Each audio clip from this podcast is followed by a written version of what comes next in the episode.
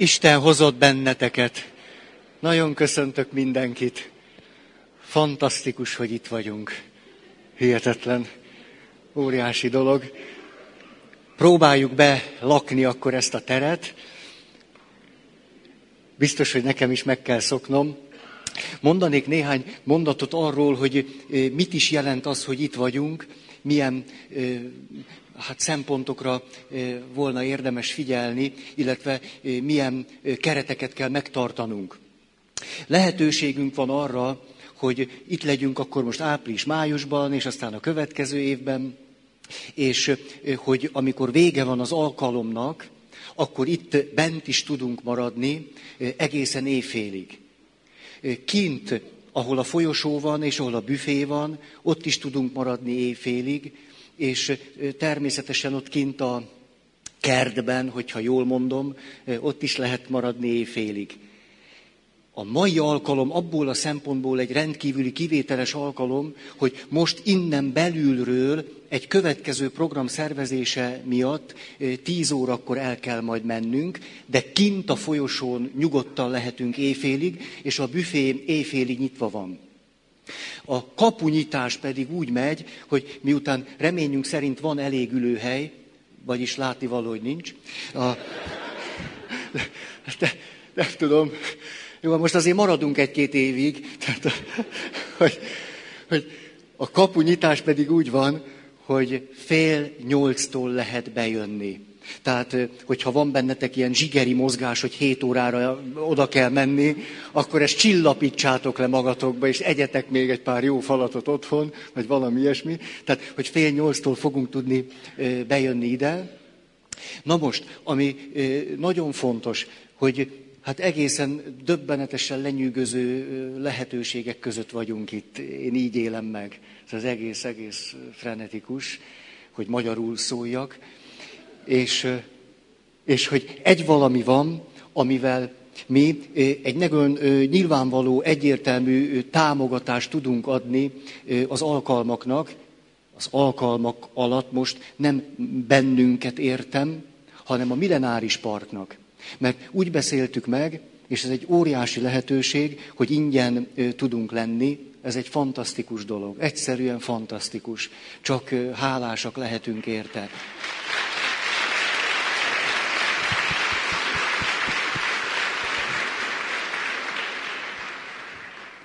De hogy mégiscsak valahogyan ki tudjuk fejezni a köszönetünket, meg egyáltalán, hogy ez a program itt tudjon lenni, ezért is van a büfé. Vagyis kerekperec, a lehető legnagyobb egyszerűséggel mondom nektek, egyetek, igyatok.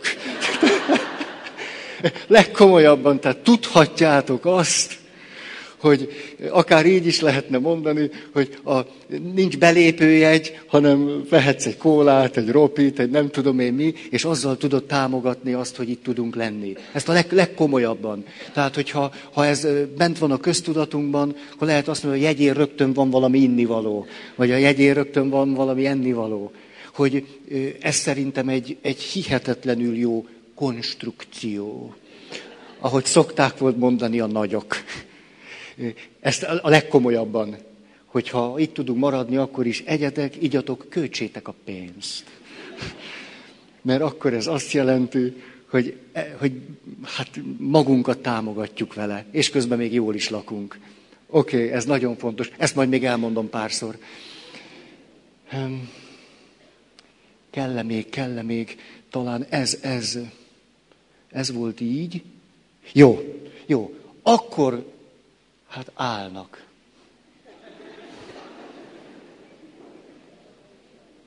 Tanácstalan vagyok. Fönn még van néhány hely. Szerintem ide előre is jöhettek még.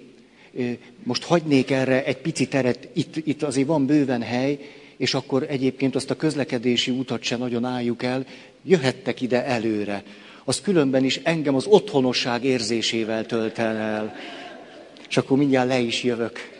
Csak megszokom itt ezt. Tudjátok, ez az első alkalom, tehát valahogy ki kell találnunk, hogy hogy legyen. De jó. Hát, Ezt nagyon köszönöm. Ez jó, ez jó, jó, jó, ez jó. Oké, okay. gyertek nyugodtan. Aha. Na most. Akkor én közben mondom a témát. Egy nagyon izgalmas pontnál hagytuk abba a múlt alkalommal. Legalábbis én bennem így él, hogy egy nagyon izgalmas pontnál hagytuk abba, és most kipróbálom, hogy tudok-e sétálgatni. Ez nagyon jó. Szóval, ez a nagyon izgalmas pont pedig az volt, egy gyors ismétlést szeretnék idehozni, hogy onnan indultunk ki, hogy már régóta, hónapok óta érleljük és elmélyíthettük magunkban annak a tudását, hogy a társválasztásunknak bizonyos klasszikus, alapvető, ám bár tudattalan motívumai vannak. És hogy a tudattalan motívumok, most nem sorolom már megint el őket, hogy a tudattalan motívumokból végül is előállt egy tapasztalat, egy tapasztalati fölismerés. A tapasztalati fölismerés pedig így szól, hogy ebben a tudattalan mozgásban, ahogyan párt és társat keresünk és választunk, és aztán, hogy rácuppanunk valakire, abban nagyon nagy jelentősége van annak, hogy olyan valakit keresünk, akinek a személyiségjegyei, a magatartásformái, azok hasonlítanak ahhoz, ami számunkra ismerős az eredeti, a származási családból. És nem csak az apuból, nem csak az anyuból, hanem ott lehet a nagy is, vagy azok a személyek, akik számunkra, főleg pici kortól kezdve alapvető mintát adtak, és akikhez érzelmi kapcsolat fűzött bennünket. Valamiképpen az ő alakjuk, az ő személyiségjegyeik, magatartásformájuk nagyon mélyen él bennünk, és ezt a hasonlót, ezt az ismerőst keressük, ám bár az is kiderült, hogy a hasonlóságokból és az ismerőségből egyáltalán eh, nem vagyunk elég bölcsek, hogy a jókat keressük. Ó, hát ez, és a realitás nem ez, hanem hogy keressük a pozitív és a negatív vonásokat egyaránt. Tehát, hogy olyan valakit keresünk, akiben nagyon is megtestesülnek azok a negatív vonások és azok a negatív tapasztalatok velük kapcsolatban elérhetők lesznek a következő családunkban is, vagyis a saját családunkban, amit mi alapítunk meg. De természetesen előtte a társkapcsolatban is. És hogy így jutottunk el oda, emlékeztek, hogy olyan óriási ereje van annak bennünk, hogy valahogy láttuk és értettük és fölfogtuk a világot, és ehhez keresünk magunkban valakit, még ha ez nem is tudatos, hogyha nem is éppen olyan valakit találunk bizonyos helyzetekre vonatkozóan, aki, aki pontosan megfelel annak a tapasztalatnak, amit hozunk a származási családból, akkor sokszor kiprovokáljuk, egyszerűen addig-addig, és nem is tudatos. Maga a provokáció sem tudatos. De addig-addig mesterkedünk, míg valahogy elő nem hozzuk a másikból. A számunkra jól ismert, és itt van a nagy fölkiáltó jel, negatív vonásokat, negatív magatartásformát. És hogyha a provokáció sem, szerintem, igen, igen, egy picit korai a Pálferihez, nem? Azért nem akarok neki rosszat.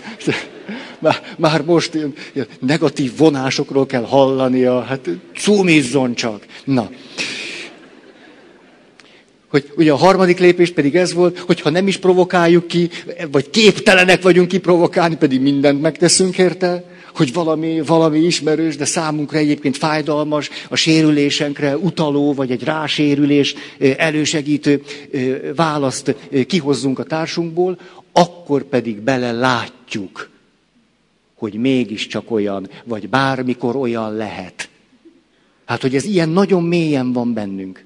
Ez volt a múltkori alkalommal, és emlékeztek, elég hosszan ezt egy párkapcsolati történetbe ágyaztam, hogy ez hogy is van.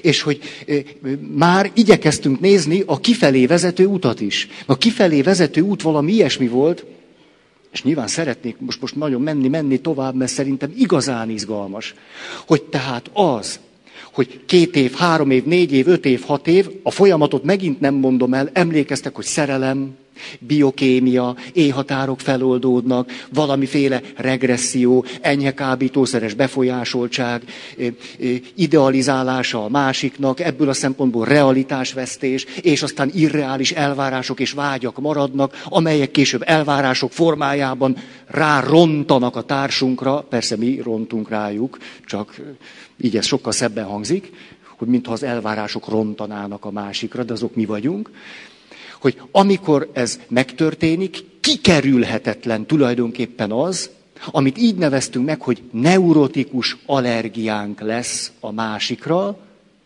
és hogy a neurotikus allergiát éppen azok a tulajdonságok, magatartásformák, válaszok, reakciók, vagy egyáltalán néha csak egy pillantás váltja ki, amelyek egyébként amikor tudattalanul társat választottunk magunknak, éppen a legfontosabbak voltak.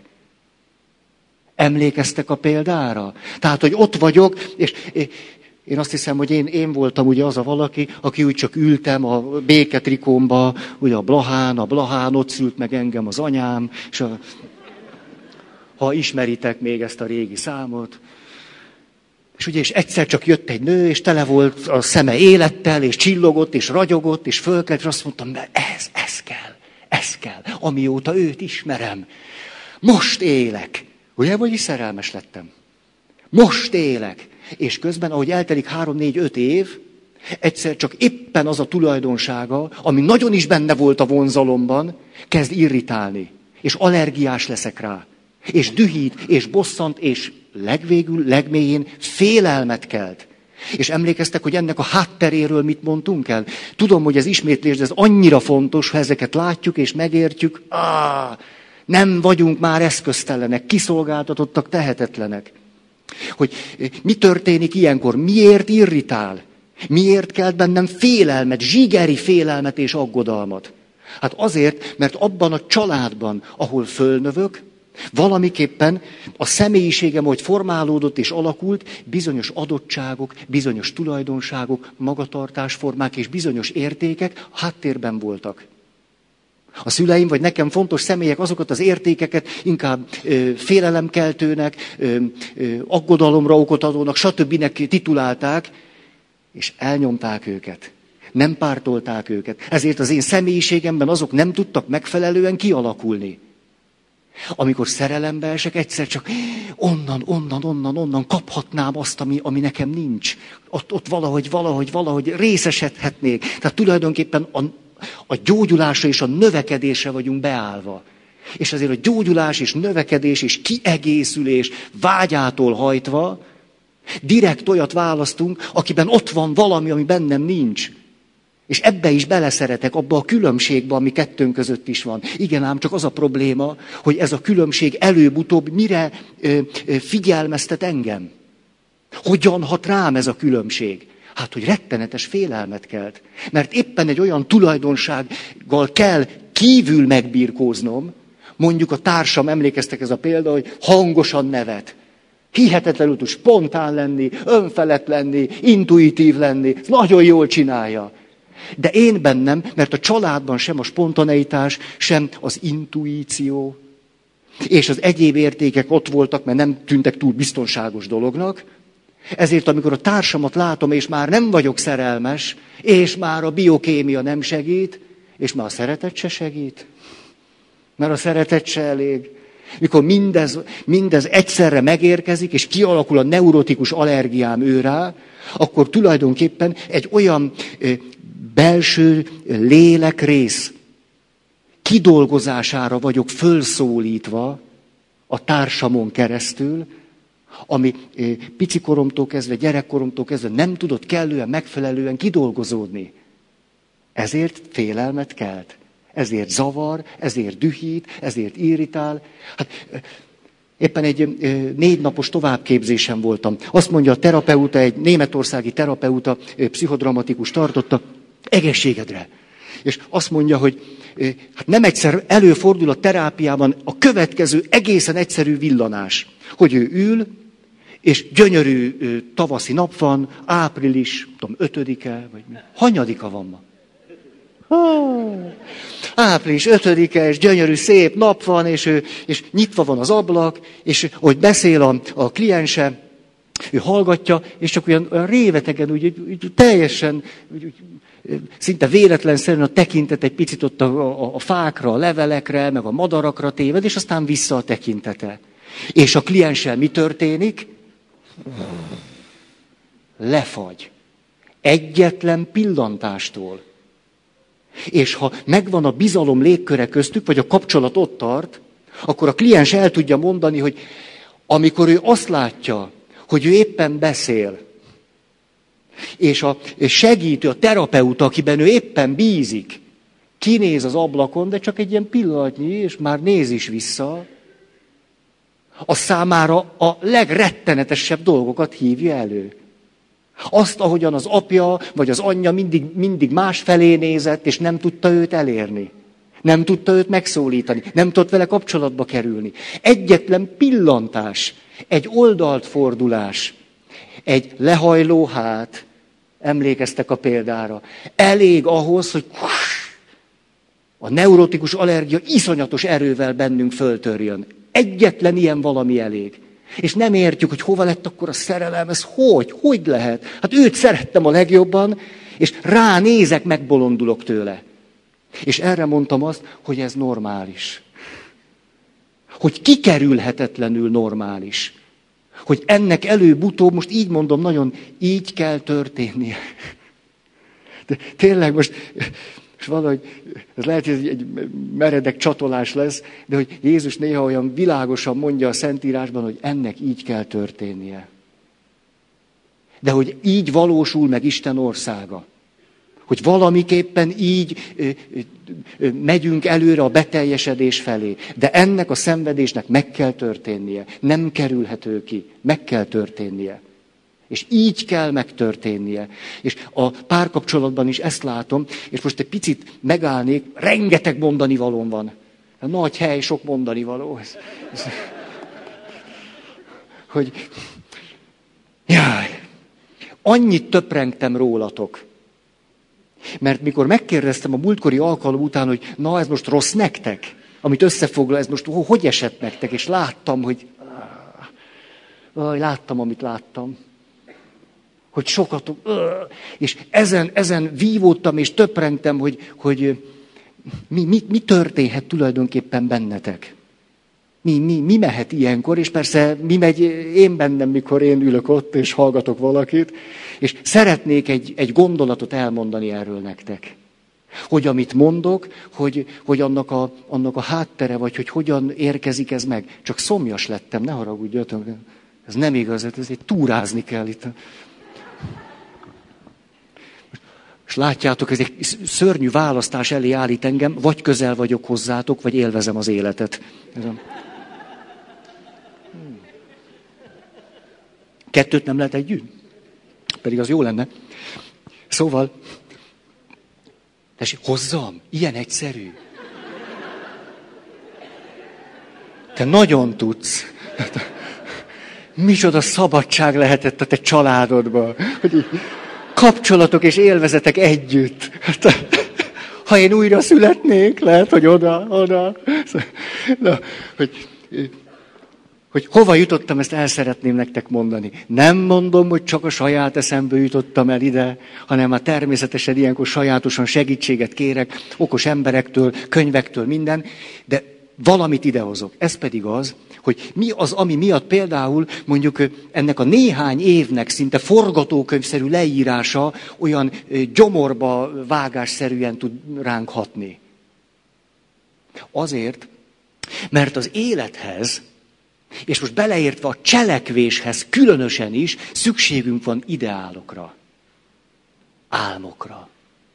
Szükségünk van ideálokra, álmokra, azoknak a, a, a lelkünk mélyén a vágyakra, vágyak, amelyek ideálok, álmok. Ah.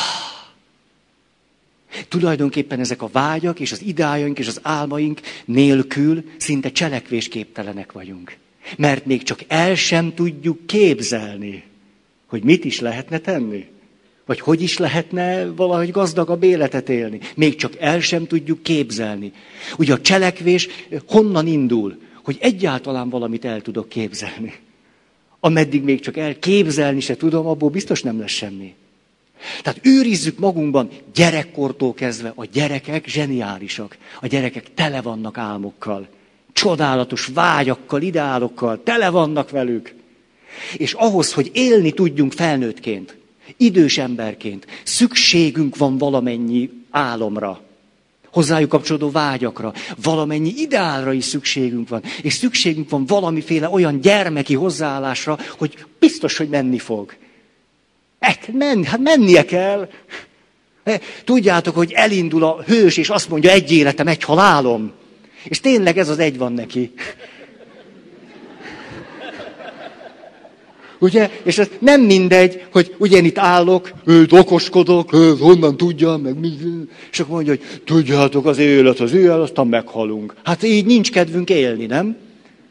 Ugye, hogy mondom, hát ez, ez így van, ugye a szerelemmel is, a tudattalan dolgok, akkor beleestek a verembe, annak meg úgy kell lennie, akkor szenvedünk, és legfeljebb a következő nemzedéknek jobb lesz. Hát megbolondult, hát így nem érdemes élni.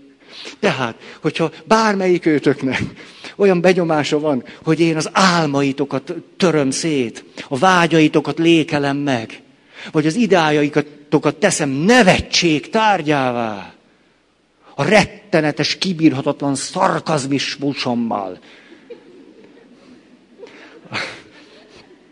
akkor ne hagyjátok magatokat. Ne hagyjátok. Mert tudjátok, úgy van az, most még teszek egy átkötést, hogy tehát álmok, a mélyükben lévő vágyak, és a, a, anélkül, az attitűd nélkül, hogy egy életem, egy halálom, azt megcsináljuk. Ez egy életem, egy halálom. De hogy ez nem az, hogy egy élet, egy halál. Hogy hát ez az egy, akkor ú, mennyi veszteni valónk van. Ú, hát ha csak ez az egy van. Ú, te jó ég. Nem? Mint hogyha ilyesmit közvetíteni. Ez az ez, ez szenvedés. Nem. Az ember nekem is az egy életem, egy halálom, egy lábam, két. Látjátok, hogy ilyen? Na látjátok, látjátok, az élet ilyen. Az ember előbb-utóbb eltöri a lábát. szóval, hát így nincs kedvünk élni. Ugye? Egyszerűen, most nem tudom, hátrafelé megyek, tehát hogyha nincsenek álmok, nincsenek vágyak, e, és nincs bennünk ezt, hogy egy életem, egy halálom, ha nincs pogácsa, akkor is megyek. Ha az apám nem adta a budlibicskát, akkor is megyek. Ha ez nincs bennünk, akkor cselekvés képtelenek vagyunk. Nem bírunk élni, nem bírunk megmoccani, nem lesz kedvünk. Úgy is mondhatnám, ez az átkötés, csak három perc kitérőt tettem. Fontosabb, hogy erősebb legyen bennünk a remény, mint a rezignáció. Ezért, ha bármelyik őtök, bármelyik pillanatban úgy érzi, hogy én a reményedet kezdem ki, és már nem lesz kedve cselekedni, meg élni, akkor csukd be a fület. Védd meg magad. Azt csak te érzed, hogy mennyit bírsz. Ezt a legkomolyabban. Az egy másik kérdés, hogy persze azt gondolom, hogy a reményünknek is különböző mélységei vannak hogy, hogy, hogy a, milyen mélyen tud bennünk élni a remény, azért az sokszor éppen ilyen ö, megpróbáltatásokon keresztül mélyül el. Vagy jövök rá, hogy sokkal mélyebb a reményem, mint ahogy eddig gondoltam. Erre jutottam, hogy bizony milyen fontos felnőttként is, hogy legyen bennünk ez a kis fickó, a harmadik fiú, a lányokban is, Hát így szólnak a mesék. A harmadik lány, aki végül nekiindul, és elmegy szerencsét próbálni, mert azt mondja, egy életem, egy halálom, akkor is elmegyek szerencsét próbálni. Tehát, hogyha úgy gondolnátok, úgy éreznétek, hogy én pont ezt akarom tőletek elvenni, hogy egy életem, egy halálom, én leszek az, akinek sikerül, akkor az nem én vagyok. Nem akarom elvenni. Inkább talán azt mondanám, hogy ha, ha valakinek már fáj, tehát már valakinek elfogyott a pogácsája, a bicskája már kicsorbult, és már nem tudja, hogy miért is indult el, lehet, hogy én, én nektek beszélek. Lehet. Mert ott már azt mondjátok, igen, igen, már éppen az a bajom, már reményem nem sok van. Akkor legalább derüljön ki, hogy mi történt. Ezt el akartam nektek mondani. Ez nagyon fontos, nagyon. Hogy, hogy meg tudjuk őrizni magunkban ezt az egy életem, egy halálom. Mondok is nektek egy, egy izgalmas kérdést. Ez egy mese. Hát elkotyogtam a vasárnap esti misén, mert nem bírtam ki. De most azért sokkal többen vagyunk. Aki már hallotta tőlem, csinálja, nem akar. Tehát a mese a szárnyas farkasról szól. Csak hogy nem pusztán a szárnyas farkasról, hanem természetesen ott van az egy életem, egy halálom, a legényke, aki elindul szerencsét próbálni, de természetesen nem egyedül megy, hanem a lován lovagol. És hogy lovagol a lován, mi történik? Egy útelágazáshoz ér. Egy út, még egy, harmadik. Három út. És a három út felé három tábla. Az első táblám, sem tudom, első tábla, az van kiírva. Ha ezen az úton mész, akkor te életben maradsz, de a lovad megdöglik. A másik út következő a tábla. Ha ezen az úton jársz, akkor te elpusztulsz, de a lovad életben marad. A harmadik úton a tábla a következő. Ha ezt az utat választod, találkozol a szárnyas farkassal, aki ketté harap. Ez egy reális helyzet. Szó sincs meséről, az életnek egy klasszikus pillanatánál állunk. Itt állok, lódöglik meg, én deglek meg, itt a lóról nem tudjuk, mi lesz, de engem ketté harapnak. Most az a kérdés, ezt a mesét Boldizsár Ildikó mese terápiára használja. És az a kérdés, hogy melyik úton érdemes menni. Egy picit várok, az azért is jó, mert megint beleteszem a kilométereket a lábamba. Melyik utat választanátok? Én, ez most nem választás volt, én a kóláért jöttem.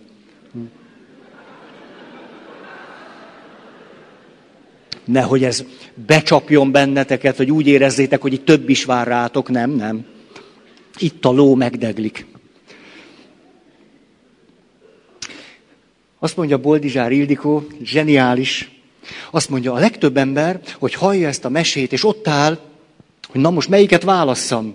Szinte természetesen azt az utat választja, amit most én.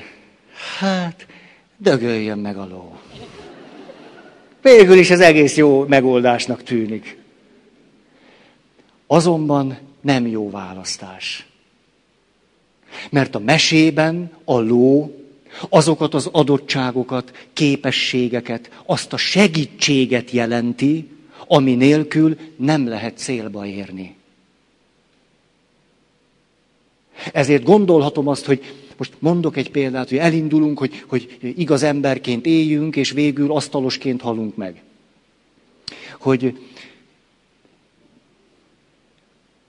mikor valaki azt mondja, ó, a lényeg, hogy majd oda eljutok, és nem tudom, és szép lassan beáldozza az erkölcsiségét, vagy beáldoz fontos kapcsolatokat, és beáldoz egy csomó mindent, mert ő majd a célba eljut, és végül, mikor ott, ott lenne a célban, vagy valamiképpen oda jut, ahol azt gondolja, hogy ez volt a célom, rájött, hogy, hogy sokkal többet vesztett. Hogy elért valamit, de mi lett közben ő maga. Hogy az életünknek nem az az értelme, hogy célba jussunk, hanem hogy valakivé váljunk. És a célt az majd megadja nekünk valaki. Ezért azt választani, hogy dögöljön meg a ló, az nem. Nem. Nem, ló nélkül nem megy. Nem megy. A ló kell. Na most akkor itt a másik út. Kultúrkatolikus testvéreink közül néhányan biztos azt mondják, ez szép lesz. Majd én onnan, a mennyország magasából megyek is föl. Ó, így, így, egy párnás szék, itt a mennyország. És innen nézem, hogy a ló célba ér.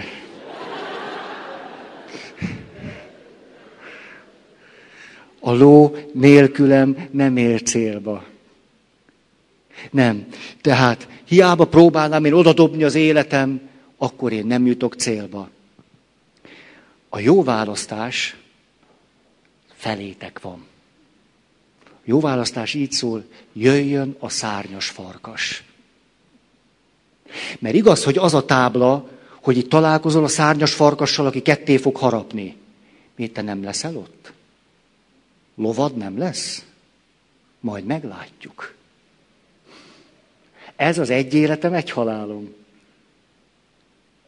A jó választás, egy életem, egy halálom, akkor jöjjön a szárnyas farkas. Tulajdonképpen, bocsáss meg, ja, ez egy táska volt. Na, hogy a, tulajdonképpen ez a mese, meg az előtte való gondolataim eh, próbálják elmondani, hogy mit gondolok a mi helyzetünkről. Hogy fontosabb, hogy maradjon annyi remény, amennyi cselekvő képessé tesz bennünket.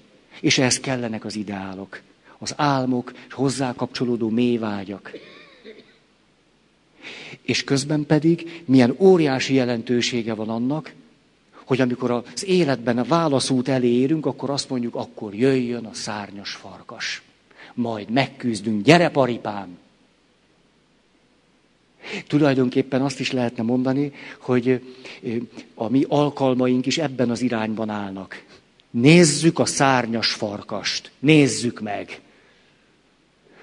Oké. Okay. Az lesz a legjobb, ha tovább folytatom. Erre jutottam most néhány másodperc alatt, mert szeretnék akkor még csavarni, tekerni ezen egyet, Hiszem, emlékeztek, hogy három dimenziót nézünk. A ö, sz, ö, egyedi dimenziónk, személyiségünk és adottságaink, mire van szükségünk ahhoz, hogy tartós és megelégedett kapcsolatban tudjunk lenni. Egyéni adottságok. Azután kapcsolati adottságok, és a családi kapcsolat rendszerre vonatkozó adottságok, készségek, képességek, erények, hogy ezt az avit szót használjuk. Na most, nézzük meg ugyanezt a helyzetet a család összefüggés és kapcsolat rendszerébe ágyazottan. Nagyon izgalmas lesz. Már nekem igen.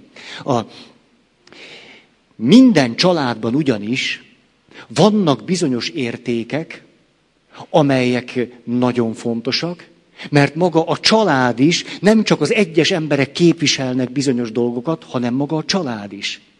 Ugye, hogyha most lenne egy pici időnk, játszhatnánk olyat, hogy megállok egy kicsit, leülök, és az lenne a kérésem, hogy találjátok ki egy-két mondatban, hogy hogyan érzékeltétek, érzitek azt, hogy a ti származási családotoknak mi volt az árszpoétikája. Egy szimbolikus mondatot kellene találni a saját családunknak a származási családnak. Mi lehet ez a szimbolikus mondat? Egyetlen egyet. Várok is egy kicsit. Gondoljatok egy picit valamire. Mi lehet egy szimbolikus mondat, ami kifejez bennünket, mint családot?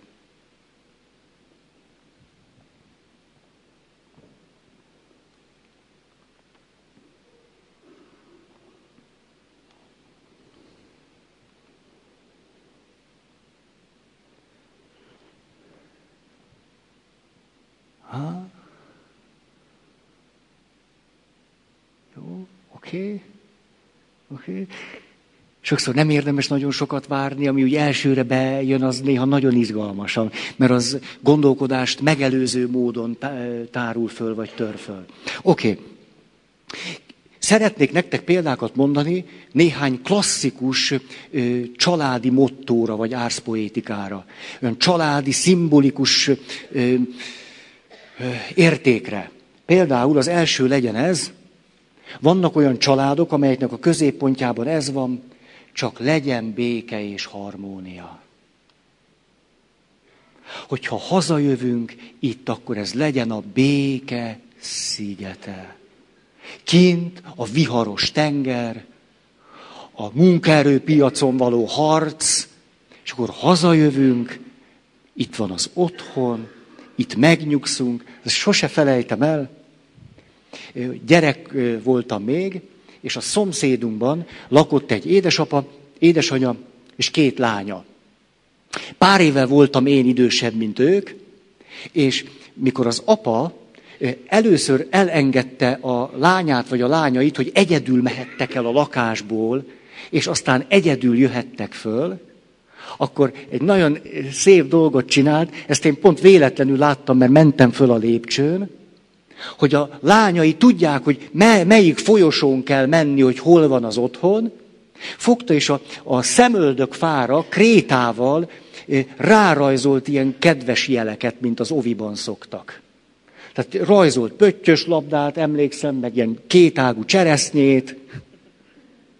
És jó lassan mentem, hogy mindent lássak. A lépcsőn, nagyon érdekelt, hogy ez hogy van.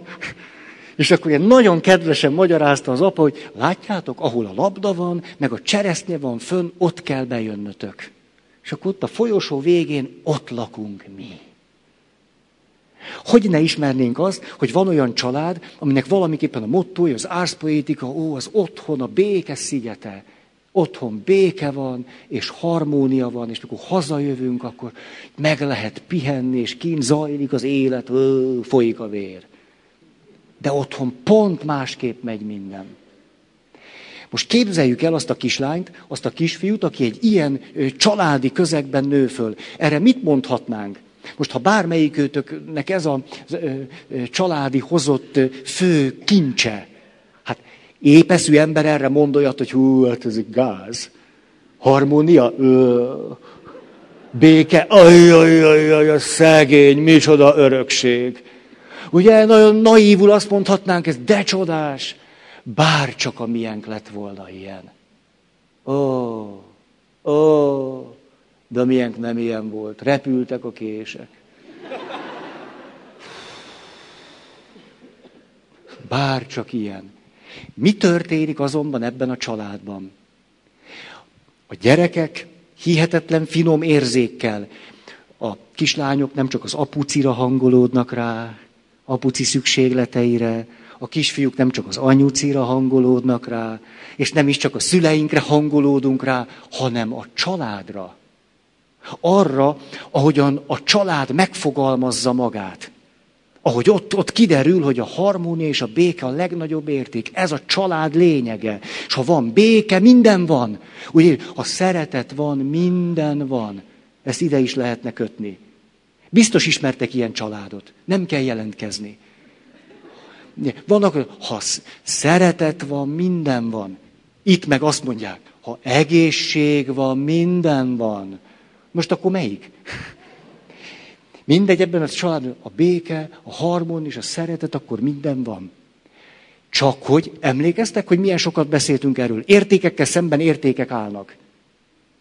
Nézhetjük úgy, hogy a békével szemben a békétlenség van. Szeretettel szemben szeretetlenség, harmóniával szemben káosz. Nézhetjük így. De legalább olyan reális azt mondani, egy értékkel szemben egy érték áll. A béke és a harmóniával szemben, ha egy érték áll, akkor az mi? Hát például belevágni az ismeretlenbe. Kockáztatni. A kaland. Semmi béke, semmi harmónia. Például merni kifejezni magunkat. Hát ha valaki meri kifejezni magát, biztos, hogy támadnak konfliktusai. Hát hogy ne támadnának? Apa és anya azt mondja, gyerekek, nagyszerű programot találtunk ki. Jaj, de édesek vagytok így. Elmondom nektek, kedves gyerekek, a mai reggeli program a mise. Ugye? És akkor én mélyen megtanultam a családban a legnagyobb érték, a béke, harmónia. Szóval, hát akkor, hát akkor mise. Donald kacsa. Vuk. Hát akkor, ja. És akkor megyünk misére. Ez mit jelent? Hát azért, hogy én ki tudjam fejezni az összetartozásomat apával és anyával, és bele tudjak simulni abba, ami a család. Bizonyos értékeket eh, hátra kell dobni. Vagyis szép lassan, nem is tudatosan bizonyos értékek kifejlesztése egészen tilalom alá tud kerülni. Mert bántja a békét. Kikezdi a harmóniát. Meglékeli a család egységét. És ide figyeljetek. Kint háború dúl. Ha még itthon is ezt csináljátok,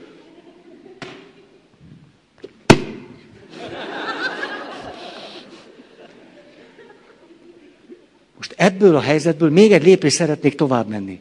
Ez pedig az, hogy nagyon sokszor, tehát a család hordoz egy kincset, egy nagy értéket. De annak az árnyékában egy másik érték van. Én ahhoz, hogy a családba tudjak egyáltalán tartozni, átveszem ezt az értéket, hogy tudjam képviselni a szüleim értékeit, és hogy hozzájuk tudjak tartozni, ezt képviselem, de kezdem megfizetni az árát. És hogy most a család összefüggés rendszerében maradjunk, mi szokott történni egy ilyen családban? Mindig megtörténik egy ilyen családban az, hogy van egy fekete bárány. Az lehet, hogy az egyik testvér, egy nagybáty, egy nagynéni. Például milyen szokott lenni? Például ő az a valaki lesz, ő be a világba. Nőtt ki a harmónia. Például mert hogy a család hordozza az értéket, ő benne pedig ott van a kifejezés utáni vágy. Ő, ő az egyetlen gyerek, aki azt mondja apának, nem megyek misére, nem megyek, nem megyek. És akkor persze, jaj, hát látod, a testvéreid is tudnak misére menni. A testvéreid tudnak misére menni. Csak, csak te vagy ilyen. És ő szép lassan kezd a perifériára kerülni. És az egész családból megy az üzenet, te veled valami nem stimmel. Nem vagy jó gyerek. Te nem vagy jó gyerek. És ő elkezd küzdeni azért, hogy de hagyd tartozhasson a családhoz. És próbál valamit kifejezni, egyébként valami olyasmit, emlékeztek erre, amire a családnak a legnagyobb szüksége van. Ugyanis a család éppen az egyensúly vesztés állapota felé halad. Miközben harmónia, béke, szeretet. De bizonyos értékek kezdenek elsikkadni. Ezért van az a kisfiú, aki tiltakozik, toporzékol, ő az egyetlen, és a szülők éjszakánként a gyertyafénynél ülnek, és honnan jött ez a gyerek? Honnan? Nem, nem a miénk. Hát mit rontottunk el? A többivel semmi baj nincs. Semmi a nővére, fölveszi a szoknyáját, és, és ahogy fölvette, úgy hozza haza. Az öccse nem lyukas a cipője. Hát ez meg. És akkor a mutató név más előkerül. Ez meg. Honnan jött? Hol tanulta ezt? Miközben ő éppen egy olyan értéket mutat föl a családban, amire a családnak a legnagyobb szüksége van. Mit tesz azonban a család? kirekeszti. Ezért ő mit fog csinálni? 16 évesen, nem kóla. Most nem, nem játszunk. Elkezd inni. Hm. Elkezd inni. Hallottátok? Elkezd inni. Iszik. Kifejezi a tiltakozását, azt, hogy Iszik. Aztán egyre többet iszik, akkor 19 évesen már nem csak iszik, elkezd kábítószerezni, és beteljesít valamit, de tulajdonképpen bizonyos értelemben egyfajta fogja és áldozata is annak. A kutatások szerint sokszor igen jó családokban, nem érthető módon, ezt most tegyük macska körömbe, ilyen gyerekek jelennek meg.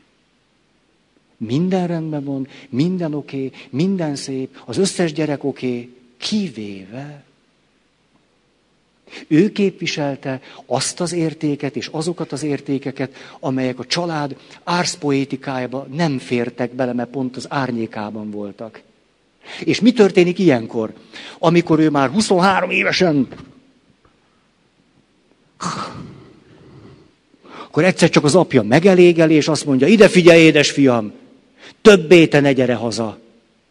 23 évig küzdködtünk, szenvedtünk veled. 23 év. Nem, most lett telegünk. Amíg nem rakod le az alkoholt, amíg nem tudsz normális lenni, nem házasodsz meg. Ez miért, az miért, miért? miért? És kirekeztjük. Őt kirekesztjük és megbélyegezzük, persze mögött egy csomó fájdalom van, egy csomó értetlenség, és kirekesztésre kerül egy személy. És ami kívül történik, tehát kirekesztettük őt, mert ő egy alkoholista, tulajdonképpen ez történik belül, például a többi gyerekben. Ami kint, az bent. Érthető ez? Kirekesztjük őt, pedig ő képviselte azt, hogy de hát, de hát néha a harmóniának föl kell bomlania, hogyha én magamat képviselem. Vagy néha tényleg a, a, a, a, a békébe belerúg az, aki azt mondja, hogy de én nem ott szeretnék nyaralni, hanem máshol. Igen, akkor ott támad egy konfliktus. De végül nincs elfogadása ennek az értéknek, a szemét akkor kirekesztjük, és ez pontosan megfelel annak a dinamikának, ami én bennem lejátszódik. Vagyis, vagyis 23 évesen ülök, mert én vagyok az egyik báty, vagy az egyik nővér, vagy az egyik húg, és nem tudom magamat megvédeni. Egyszerűen nem megy. Mert ahhoz, hogy magamat megvédjem, ahhoz nekem azokra a képességekre lenne szükségem, ami a gyerekkortól kezdve ennye bennye tárgyává vált. És én bár tök egy, egy jó kislány vagyok, és, és tökre hozom ezt a jó kislányságot, és próbálok a munkahelyen megfelelni, és egyre boldogtalanabb vagyok. Nem, nem, egyáltalán nem vagyok boldog. Hihetetlenül nem vagyok boldog. Mert én vagyok az, akinek az asztalán végül a meló landol. És így este 5 óra 49 perckor mondjuk így. Ezt még ma. De én nem tanultam meg magamat kifejezni, mert a család árszpoétikája az volt, hogy béke, harmónia és szeretet. Ezért én nyögök, a többiek, hát a többiek már régen söröznek lenn. Én, én nem, én írok, én nyomom a melót. És egyre rosszabbul vagyok. És mi történik? Most akkor jön a férfi, a fehér lovon. Jön a férfi a fehér lovon, és azt mondja, de miért vagyok én nő? Ezt nem értem. Mi történt velem ott fönn? Na de mindegy, maradok nő, és jön a, jön a férfi a fehér lovon, és azt mondja, te, hát te szép vagy. Hát még ilyet sem mondtak. Én szép. Hú. Csak azt mondja a fiú, gyere!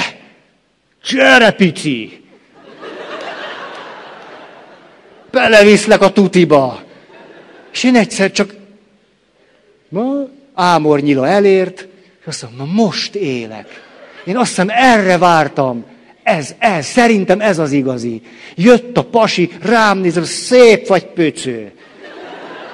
Csere beleviszlek a tutiba. És utána nem azt, hogy van-e kedved hozzá, vagy nem, most beszéljük meg. Már fú, derekamat megragadta, csű, már megyünk is. Ha nem ájulok el ettől, Hát dehogy nem elájulok. Ezeket... Be... Igen ám, de most akkor itt visszatérünk ahhoz a gondolatsorhoz, ahol kezdtük. Ez van egy évig, két évig, három, négy. És amikor ugyanez a fiú, aki fogta a derekamat, és, és én mentem vele. Én bizony mentem. Azt mondta, Lux Elvirát hallgattam valamelyik nap. Tényleg. Most mi, ezen nevettek. Hát mi? mi? Béke, testvér, béke, béke. És, a, és akkor ez egy riportműsor volt, tehát nem árulok el semmi titkot, és kérdezték, hogy, hogy a szexuálpszichológus, és akkor kérdezték tőle, hogy na és akkor hogy van a férjével? És mondja, hogy na hát ha van két különböző ember, azok mi vagyunk. Ha láttátok ezt a riportműsort, azt hiszem 70 éves volt, és akkor volt egy riportműsor. Szóval, hát, eh, azt mondja, tulajdonképpen én és a férjem most élünk, nem tudom, 50 éve házasságban, de mi még soha semmiben nem értettünk egyet. Ezt mondta. Le, legkomolyabban. Körülbelül így. És akkor persze csönd, lehet, hogy ott vágtak egy a három percet, hogy a riporter...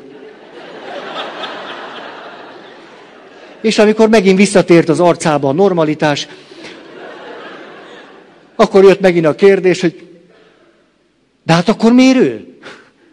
Hogy ez ilyen zsigeri kérdés, nem tudom honnan jön, hogy tehát egyáltalán nem hasonlítanak egymásra, soha semmiben nem értettek egyet.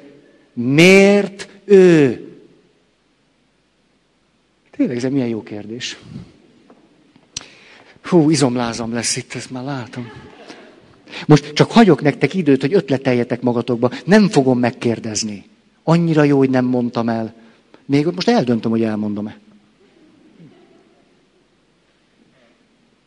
És közben tudatosítom, hogy kinőttük a termet. Mondom én, hogy az élet ilyen. Látjátok, volt egy halovány reményünk, semmi lett. Marad a realitással vegyes rezignáció. A terem kicsi. Az élet ilyen. Na szóval, most lehet, hogy ezt... Szóval, majd kérek ide macska szemeket. Szóval, vannak öntapadós macska szemek is vannak. Sok... Szóval, a válasz így hangzott. Azért ő hozzá mentem feleségül, mert ő volt az a férfi, aki benyúlt a szoknyám alá. Azt mondta Lux Elvira, lehet, hogy ez valahogy a hivatás történetének is egy fontos pillanat. Nem tudom, csak úgy összekötődött bennem ez a két dolog. Azt mondja, igen kérem, az bizony nem mindegy, hogy kinyúl a szoknyánk alá. Nem mindegy. Na most én erről beszélek, tehát te a jó kislány, minden oké, okay, minden rendben, hosszú szoknya, ilyesmi. És jön egy pasi, pőcő. Hopp, derekad el van kapva, semmi, beszéljük meg, otthon úgy szoktuk, hogy leülünk, és hogy gyertyafény, egy fél óra uh, handle, és akkor mindenki egy picit elmondja, de, de úgy, hogy az a béke mindig megmaradjon, és a szeretet mindig, mindig, és nálunk soha haraggal nem feküdt le senki. Mert gyomorvérzéssel feküdt le, meg... Hát,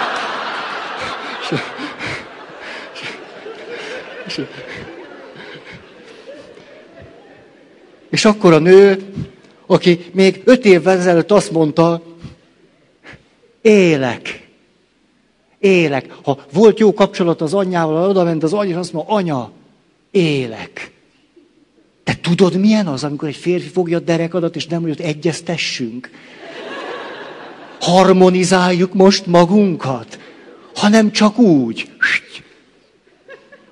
Anya, te ezt tudod milyen? És öt év van mi történik? Hát tudjátok, aki benyúl a szoknya alá, és megkapja a derekad, az a fiú, kedden azt mondja, én nem megyek Pál Ferire, ne hülyéskedj már. Én van jó, vettem két sört, és akkor... Hoppácska, mi történt? Az történt, hogy a férjem egyszer csak elkezdett hasonlítani a kirekesztett családtagra. És én olyan rosszul leszek, ez már nem neurotikus allergia, mert még most rosszabbul vagyok. Ez a halálfélelem. Ez odáig visz. Ezt nem hiszem el. Hát, ha mikor, ha nem, nem, megyek is, megyek is a pálferire, az nem, nem, megyek, megyek, megyek, és így tűz, de nem is tudsz rám figyelni. Mert tudod, mi megy benned? Én tudom, majd megmondom. És a... De jó, nagyon köszönöm. Tehát, jaj, de jó, milyen puha. Ez ilyen aranyérbarát szék. Ez a... hmm. Szóval, hogy itt ülsz, de nem tudsz rám figyelni. De jó, most eljövök ide. Hát ez hihetetlen. Azt a betyárja. Jaj, de kedvesek vagytok, forogtok. Ez a... Nem, hát ezt, ezt nem akarom, nem, nem kívánom tőletek. Nyugodtan nézzetek előre, majd, majd nem sokára ott leszek. Tehát, hát csak ezt nem bírom kihagyni. Hát ez hihetetlen. András, te mit csinálsz? Fantasztikus. Óriási. É. Ott egy törött kar. Törött láb. Még valaki mondja, hogy az élet az csak ilyen izé. Nem, kérem. Szóval, itt ülsz, és egyáltalán nem tudsz figyelni, mert a következő megy benned. Akkor hazamegyek, és érzem a sör lehelletét a szájából. Végem van. Kész vagyok. Tehát ez, ez nem lehet igaz. Hát a, a, a férjem, ne, nem, hát ne, ne, ha a sör, a sör lehellete, hát érthető az összefüggés. És nekem éppen valami olyasmivel kellene most megbarátkoznom a sör lehelletével együtt, ami gyerekkortól kezdve a származási családomban valamiképpen az árnyékba került, mert más értékek voltak elől. És ráadásul van egy mintám is, hogy kirekesztjük és kitaszítjuk azt a valakit, aki nagyon képviseli azokat az értékeket, amelyek a mi családunk árszpoétikája árnyékában vannak. És ezért mondtam azt, hogy ami kint, az elkezd belül is lejátszódni. Kívül kirekeztünk egy családtagot, és azt mondjuk, ez nem, ez rossz, ez bűn, de belül is ugyanezt mondjuk. És ezt mondjuk a másikra is. Ez rossz. Ezt ki kell rekeszteni. Ki kell magamból írtani. Ezt, hát itt nem állok neki egyeztetni. Hogy, hogy, most ezen kezdjünk el beszélgetni? Ezt nem, nem, rakja le a rohadt italat. Rakja le. Hova tettem a szemem? Bár csak ne lenne derekam. Azt kapta meg a rusnyája. Ránézek az órámra. Hú. Érthető az összefüggés? Most döntsétek el, mennyi reményetek maradt, mennyi rezignáció, és akkor úgy tudjátok tovább hallgatni. Szeretnék most néhány ilyen összefüggést mondani. Egy picit, hogy ezt akkor mélyítsük el, ezt a helyzetet. Azt mondja. Például ilyen alapérték lehet valamilyen árszpoétikában megfogalmazva az összetartozás. Mi itt összetartozunk. A család azért jó, nem a harmónia, a béke, nem azért, hanem hogy itt összetartozás van. Itt mi összekapaszkodunk egymással. Igen ám, de mi van a másik oldalon? Az árnyékban milyen érték van? Az egyediség. Ugye ahhoz, hogy össze tudjunk tartozni, össze tudjunk kapaszkodni, legegyszerűbb, hogyha úgy lenyesegetjük magunkról azokat a különböző dolgokat. Hogy össze tudjunk tartozni. Egészségedre. Például ilyen valaki lehet a családban a művész. Ő aztán művész ember lesz, annak megfelelő sajátos életet él, Egyszer egy színésznő mondta nekem, hogy hát Feri, azért a, a színészeknél az úgy van, hogy, hogy van egy ilyen gondolat, hogy akkor, akkor tudok majd jó színész lenni, hogyha kipróbálok mindent. Akkor tudom majd jól átélni a szerepet. Most azon túl, hogy badarság, egyszer, tudjátok, hát én nem tudom, csak úgy mondom, hogy az Egyesült Államokban sokszor ezek a hollywoodi sztárok elmennek, a Robert De Niroról lehetett hallani, hogy amikor a, a Taxisofőr című filmben szerepelt, ugye akkor előtt a fél évig ott ment a taxisokkal, és nézte, hogy milyen az, és akkor És a, ugye ez az amerikai modell, hogy teljesen le kell fogyni, meg kell hízni, akkor én is gangster leszek fél évre. Szóval, és akkor majd jól át tudom élni. És akkor erre kérdezték Laurence Olivier-t, hogy hát ön hogy készül a szerepekre? Mert nagy pályatársai a tengeren túl, nem tudom én, éppen most híztak föl 20 kilót, éppen most lettek alkoholbetegek, vagy éppen most váltak nővé, hát, és hogy és erre, erre hogy Sir Lawrence Olivier azt mondja, de én színész vagyok. Szóval sokszor például a művész, vagy a színész azért jön egy ilyen családból, ahol egyébként egyáltalán nem ez a családnak az árszpoétikája, mert ő ott megéli az egyediséget, és fölvesz újból és újból és újból, újból olyan szerepeket vesz föl, ami teljesen elüt attól, hogy itt a családban egészségedre. Milyen hapcisok vagytok ma? A légkondi. Süvít. Tényleg, de most látom, hogy így. Hát nem tudom.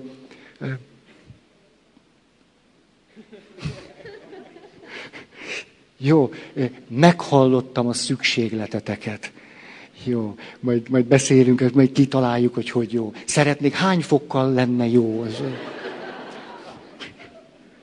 De tényleg ez komoly, hát érezzük magunkat jól. Na, akkor miért vagyok itt? Tehát, jó van. Jó ez így. Mondom én, hogy van ilyen családi minta. Látjátok? És akkor jön, ha kell, ha nem. Szóval óriási dolog az, ugye tudjuk, hogy milyen nagy jelentősége van, amikor egy csapatnak megvan a közös zászlója. Közös póló, közös színű nyakkendő, vagy sál, és átéljük, hogy valami hasonlóság, csoporttudat, összetartozás. Ehhez képes valaki jön, és képviseli az árnyékot. És ahogyan kirekesztjük őt a családból, ugyanez a kirekesztés történik itt idebelül is. Ezért éppen, amikor arra lenne szükségünk, hogy valahogy megpróbáljunk egy értéket be, behozni, azzal valamit kezdeni, és nyilván a félelmeinken keresztül. Sokszor ott vagyunk a, a, az egészen a vaksági kirekesztőek vagy elutasítóak. Hiszen ebből is hozzuk a mintát. Mondanék most még, még egy csavart. Nem egyszer az történik, hogy nem egyszerűen csak kirekesztenek, elutasítanak, vagy kiközösítenek valakit a családból, aki egyébként éppen azokat a kiegészítő értékeket képviseli, amire az összes családtagnak szükség lenne, főleg a gyerekeknek. Hanem az is lehetséges, hogy az illetőnek az egész élete valamiképpen tabutárgyává lesz. Már nem is lehet róla beszélni. Mert a család úgy ítéli meg, hogy olyan szörnyű dolgot tett, az annyira rettenetes, ahova ő jutott. Legmegdöbbentőbb élményem az, hogy nagyon sokszor, mikor valaki hosszan tud beszélni például alkoholbeteg családtagjáról, akkor az elején nyilván az jön, hogy ez szörnyű volt, vagy rettenetes volt, kibírhatatlan volt, és nem egyszer ennek a hátterében egyszer csak megjelenik az, hogy tulajdonképpen, amikor nem ivott, tök jó fej volt. Tulajdonképpen, amikor nem ivott, nagyon szerettük. Tulajdonképpen, amikor nem ivott, ővele lehetett a legjobban játszani. Tulajdonképpen, mikor nem ivott, akkor ő olyan jó poénjai voltak, de egészen odáig is, hogy tulajdonképpen mindenki szerette őt. A környezetében. A család az más. Ugye, a család azt érte meg, hogy ebbe tönkre mennek. De úgy egyébként az óriási népszerűségnek örvendett, és ő volt a jó fej. És rendelte a sört a többieknek, és iszonyúan tudott élni. Éppen néhány nappal ezelőtt, pár héttel ezelőtt találkoztam egy idős bácsival, kiderült, hogy az apukámnak volt fiatalkori barátja. Á, és beszélt az apukámról, hogy milyen volt 15 évesen, meg 16. Aj, de nagy élmény volt. És kiderült, ezt elmondom nektek, mert ezt fél évvel ezelőtt még nem tudtam. Kiderült, hogy az apukám két dolgot nagyon tudott. Apukám, hát tudjátok, mm, mm, mm, mm. szóval, mm, mm, mm. hát négy házasság, gyerekek itt-ott, a többit ne is firtassuk. Igen ám, és akkor mit mond ez a fiatalkori barátja, az a te, hogy te azt tudnád, hogy a te apádra irigykedett mindenki. Mert az apád egy jó képű srác volt. Ugye Erdélyből származunk apai ágom. Az apád volt a legjobb néptáncos. Ha ő egyszer elkezdte, akkor mutatott egy képet, hogy apám népi cuccban. Ha ő elkezdte, az összes lány megbolondult érte. Azt mondta, és tudod, mit tudott még az apád nagyon jól? Tehát te apád erdély balladákat úgy mondott fejből, mi csak ott ültünk, és mindenki irigykedett rá. Ez az árnyék. Hogy ugye a felszínen mi van? Az, hogy az apád ilyen, az apád olyan, az apád négyszer házasodott, és elvált, és megbízhatatlan, és ezt csinál, és azt se. De ugye picit a mélyre megyünk, kiderül, hogy ő képviselt a családban valamit, ami a többiekből vagy hiányzott, vagy nem volt eléggé kidolgozva. És nagyon érthető is tud lenni egyébként, az is érthető, hogy miért próbálja a család az árszpoétikája nyomán azt a családtagot ki-ki-ki. Mert hogy mennyire fenyegetőnek éli meg. De vele együtt az értékek is mennek. Pont azok az értékek, amelyekre a gyerekeknek a legnagyobb szüksége lenne, hogy egyensúlyban tudjanak fölnőni. Most mondok egy fontos mondatot.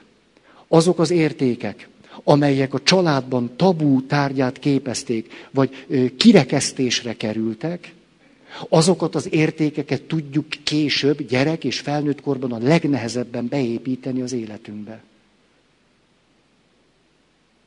Ugye ez az, beszélgettem sokakkal, akik azt meséltétek el, hogy az első egyetemet azért végeztem el, mert a szüleim azt mondták, hogy azt végezzem el. És milyen nagy dolog az, akkor valaki 30 évesen azt mondja, jó, apám miatt jogász lettem, és most elmegyek a... Na nem annyira, csak most elmegyek egy másik helyre. Mert tulajdonképpen, ha, ha, ha most megkérdezem, hogy én mi szeretnék lenni, akkor 23 évesen, negyedéves joghallgató voltam, én arra a kérdésre, hogy én mi szerettem volna lenni, nem is tudtam volna válaszolni. Most, hogy 28 éves vagyok, rájövök, nem, én építész akarok lenni. Nem, tanító akarok lenni, szociális munkás akarok lenni. Mit tudom én? Néptánc tanár akarok lenni. Nem akarok jogász lenni, néptánc tanár. Milyen óriási dolog az, hogy valaki 30, 35 évesen egyszer csak eljut oda, hogy valamit, ami a családban egy sajátos tilalom alatt volt, ne ugrálj, kislányom. Mi a szimbolikusan is, nem, egy jó szakma kell, és akkor biztonság van, nem ugrálunk. És azt mondja, hát én pedig ebből akarok élni, az ugrálásból. Ez nagyon nagy dolog. Valaki 35 évesen képes egyszer csak beemelni és elkezdeni megélni, megvalósítani valamit, ami a családi rendszerben az árnyékba tolták. Jó? Na gyorsan még egy példa. Nem tudom, úgy érzem, hogy egy picit olyan, olyan lassan mondom, szóval kicsit olyan, olyan ismétlősen, nyögvenyelősen, de annyira jelentősnek tartom ezt, hogy tudja, most ez egyszer, igen, Laci, mondjad!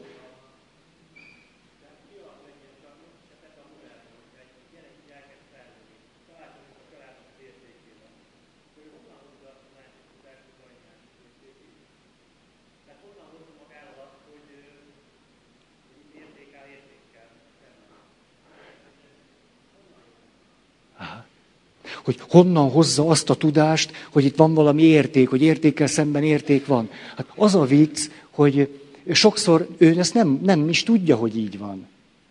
hanem egyszer csak ez bekopogtat az életébe. Ilyen is van, sokféle forgatókönyv van. Hogy sose gondoltam volna, hogy én egyszer ilyet fogok csinálni. Lehet ilyen élményünk. Hát, hogy te jó ég.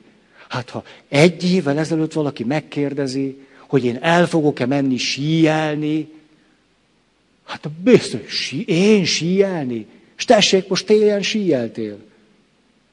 Sokszor egyáltalán nem tudjuk, hogy ez az érték létezik. Mert mikor, mert mikor azt az értéket megnevezik, ha egyáltalán megnevezik, sokszor teljesen negatív összefüggésbe kerül. Mondok egy példát. Nem egyszer felelősség tudatnak hívják a szabadság hiányát. Ezt a mi kultúrkeresztény berkeinkben nagyon tapasztalom. Felelősség tudat, felelősség tudat, és tele vagyunk félelemmel és a szabadság hiányával. Tehát erre nem, azt hiszem, hogy nem lehet egyszerűen válaszolni. Néha ezek az értékek kívülről bekopogtatnak, fontos, érzelmileg számunkra fontos kapcsolatból egyszer csak elénk állnak. Azt mondja, jó ég, ilyen is van. Az én életemben is volt ilyen érték. Utána fölkiáltottam, és azt mondtam, hát hogy tudtam én enélkül élni? Mikor egyszer csak az az érték megjelent, rájöttem, hogy ezt nem is értem, hogy bírtam nélküle lenni. De olyan is van, hogy a, egyszerűen ez a jobbik forgatókönyv, hogy egy érték bekopogtat az életembe, és én ki tudom nyitni az ajtót. A rosszabbik, hogy rosszul vagyok. Ez szokott történni inkább. A, a rosszabbik az az, hogy nem értem, hogy mi van velem, csak rosszul vagyok. Egyszer nem, nem, nem megy, valami nem megy. Tehát van egy tünet, hogy boldogtalan vagyok, vagy erőtlen vagyok, vagy depressziós vagyok, vagy valami. És hogy elkezd, elkezdjük kibontani, hogy miért lettem boldogtalan, cselekvésképtelen, depressziós, mi, mi történik velem, akkor tárul föl, hogy van itt egy érték, ami, ami teljesen el, el volt, el volt, el volt, el volt. És sokszor akkor történik annak az értéknek a megnevezése. Ez hihetetlenül izgalmas. Ha egy családban egy értéket nem neveznek meg, és nem mutatnak rá, hogy ez érték, sokszor az az érték, mintha nem is létezne. Hihetetlenül eh, kapcsolódunk a családunknak a világához ebből a szempontból. Valami ilyesmit tudok erre. Hát csak ilyen. Jó van, hagyjuk. Jó, nem sikerült. Na. Ó. Még egyet gyorsan. Ó. Menjen még egy, hogy, hogy azért pörögjünk is. Jó. Tessék? Kettő. Ez a, ez a, na. Ó. A, vegyük ezt a klasszikusat önkifejezés, hogy nézzünk valamit a másik oldalról. Van olyan család, ahol nem a béke, szeretet, harmónia, hanem például az önkifejezés és karrier. Erre készítik a gyerekeket. Ez, ez a kulcsérték. Hogy fiam, él, te neked állt meg a helyedet a világ sodrába, jussál messzire, és akkor három évesen már héberül tanul. Ér. És akkor nyolc évesen már két hangszeren tud, tizenkét évesen Európa bajnok lesz valamibe. Hát végül is. És karrier, és előrejutás, és, ez, ez, ez, ez a fő érték. Mi az, ami itt az árnyékban van? Ebben a családban hogy beszélnek arról a nagymamáról, aki este hajlandó még nekiállni, hogy bepácolja a húst, mert hogy jönnek majd, mit tudom én, a rokonok, és ő nekiáll, és süt, és főz, és, és hát erre a nagymamára legyintenek, ez a bolond. Hát teljesen bolond. Hát mi értelme van ennek? Hát látszik mindig fáradt, meg nyúzott, semmire nem vitte. Egyszerűen ez a nagymama semmire nem vitte. Semmire. Teljesen más családi árszpoétika is létezik. Például az, hogy előre jutni, megvalósítani magunkat. Mi az, ami teljességgel bekerül az árnyékba, Ebben az esetben bekerült az árnyékba a szolidaritás, az önzetlenség, vagy az, hogy önátadásban lenni. Hát volt olyan, volt ilyen, jött egy férfi, meg egy nő, ő a házastársak, és akkor ez ritka, és akkor mondják, hogy mi van velük, és ugyan, ugyan az a konfliktus mindig ilyen, és egyik őjük sem mutatott egy pici rugalmasságot se. És azt találtam kérdezni a férfitől, te, nem lehetne, hogy egyszer te ebben a helyzetben megértő legyél? És tudjátok, mit mondott a férfi? Hogy erre még sose gondoltam. Ezt mondta. Jé, megértő, erre sose gondoltam. Mert én azt hoztam otthonról, ez volt az árszpoétika, ne hagyd magad, fiam. Az élet az olyan, mindig csak egy van a csúcson. Nincs két első. Mint John McEnroe. Ugye kérdezték őt, John McEnroe, a tenisz, tik, tik, tik, tik, egy, egy tenisz zseni volt, de hát gyerekkorától kezdve. Kérdezték, hogy kedves John, miért van az, hogy míg más teniszjátékosok egész normálisak tudtak lenni a pályán, ön a teniszütőt csapdosta össze-vissza, és meccsenként három teniszütőt tört el. Ma, magával ez miért volt? És akkor bár ilyen az amerikai Davis kupa válogatottnak volt a trénere, már ilyen őszülősen, és azt mondja, hát most, hogy már egy öregebb vagyok, látom, hogy ez például azért volt, mert az apám minden nap többször elmondta, hogy Johnny, te vagy a legjobb. Te vagy a legjobb. Mikor én vesztésre álltam egy meccsen, kizökkent a világ a helyéből. Hát apám azt mondta, hogy én vagyok a legjobb. Akkor most mi van? Ne, nem, nem, is volt, nem is volt modellje, hogy mit kell csinálni akkor, amikor második. Ezért dühöngött, és azt mondta, baj van a világgal, szétesett a világ. Hol a győzelmem? Apám megmondta, én vagyok a legjobb. Hát ő nem tudja. Apa, mondd meg neki! Olyan egészen pofon egyszerű értékek tudnak teljesen kidolgozatlanok lenni, hogy el vagyunk ámulva, hogy ez hogy lehet, és lehet. Hogy valaki 30 évesen egyszer, hogy csinálhatok olyat, hogy nem, hogy úgy, úgy, úgy nem magamat nyomom, hogy akkor így. Hát nőket szoktam hallani, hogy összejönnek. Micsoda vircsaft tud lenni. És összejöttök, és akkor mennek a férfi, a pasis sztorik. És hát azért, hát ez, egy, ez hihetetlen. Te most elkezdett később hazajárni. Jó, hát mondja, hogy főnök lett, de hát ez nem ok, ez nem ok. És akkor, hogy be tudtok néha indulni bizonyos körökben. És azt mondja, ne hagyd. Amál, amál, ne hagyd! Így kezdik, minden pasi így kezdi.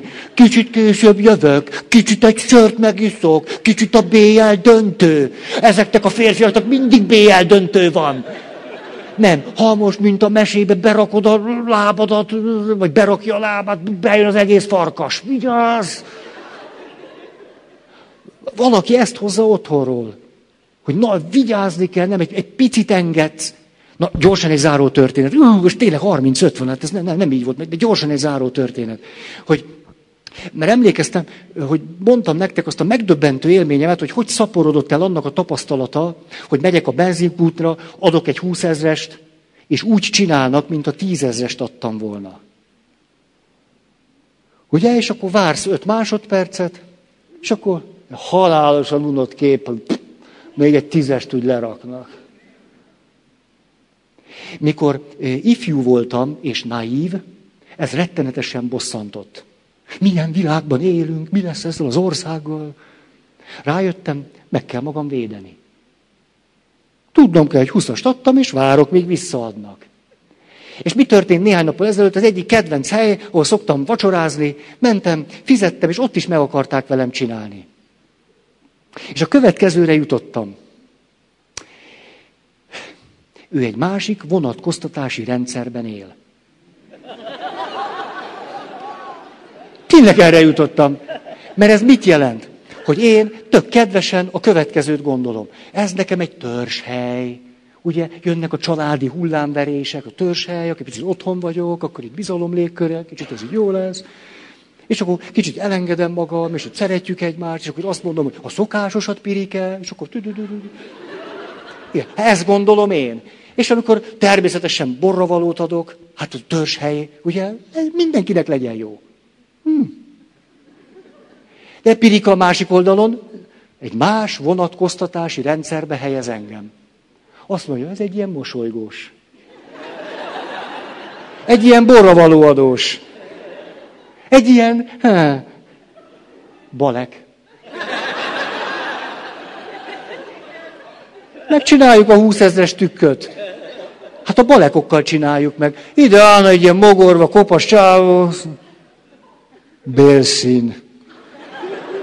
Hogy azzal nem lenne trükk. De egy ilyen, jaj, hogy tetszik lenni. Már ez, vágom is át. Ezzel tudom elmondani azt, hogy egy teljesen más vonatkoztatási rendszerben növünk föl. Egészen más értékek, és bizonyos ebben számomra az volt a drámai, hogy minthogyha az az üzenet, ami ebben az egész helyzetben én belőlem üzenetként megy, hogy de jó, itt akkor itt valami családiasság van, meg mi, abból ő semmit nem vesz, hanem valami teljesen más üzenetet kódol ő, ugyanazokra a gesztusokra. Na de, na de. Hát most akkor befejeztük az első alkalmat itt. Fantasztikus. Nagyon köszönöm a figyelmet, és akkor folytatjuk, még, még, még nyomjuk. Akar-e valaki hirdetni?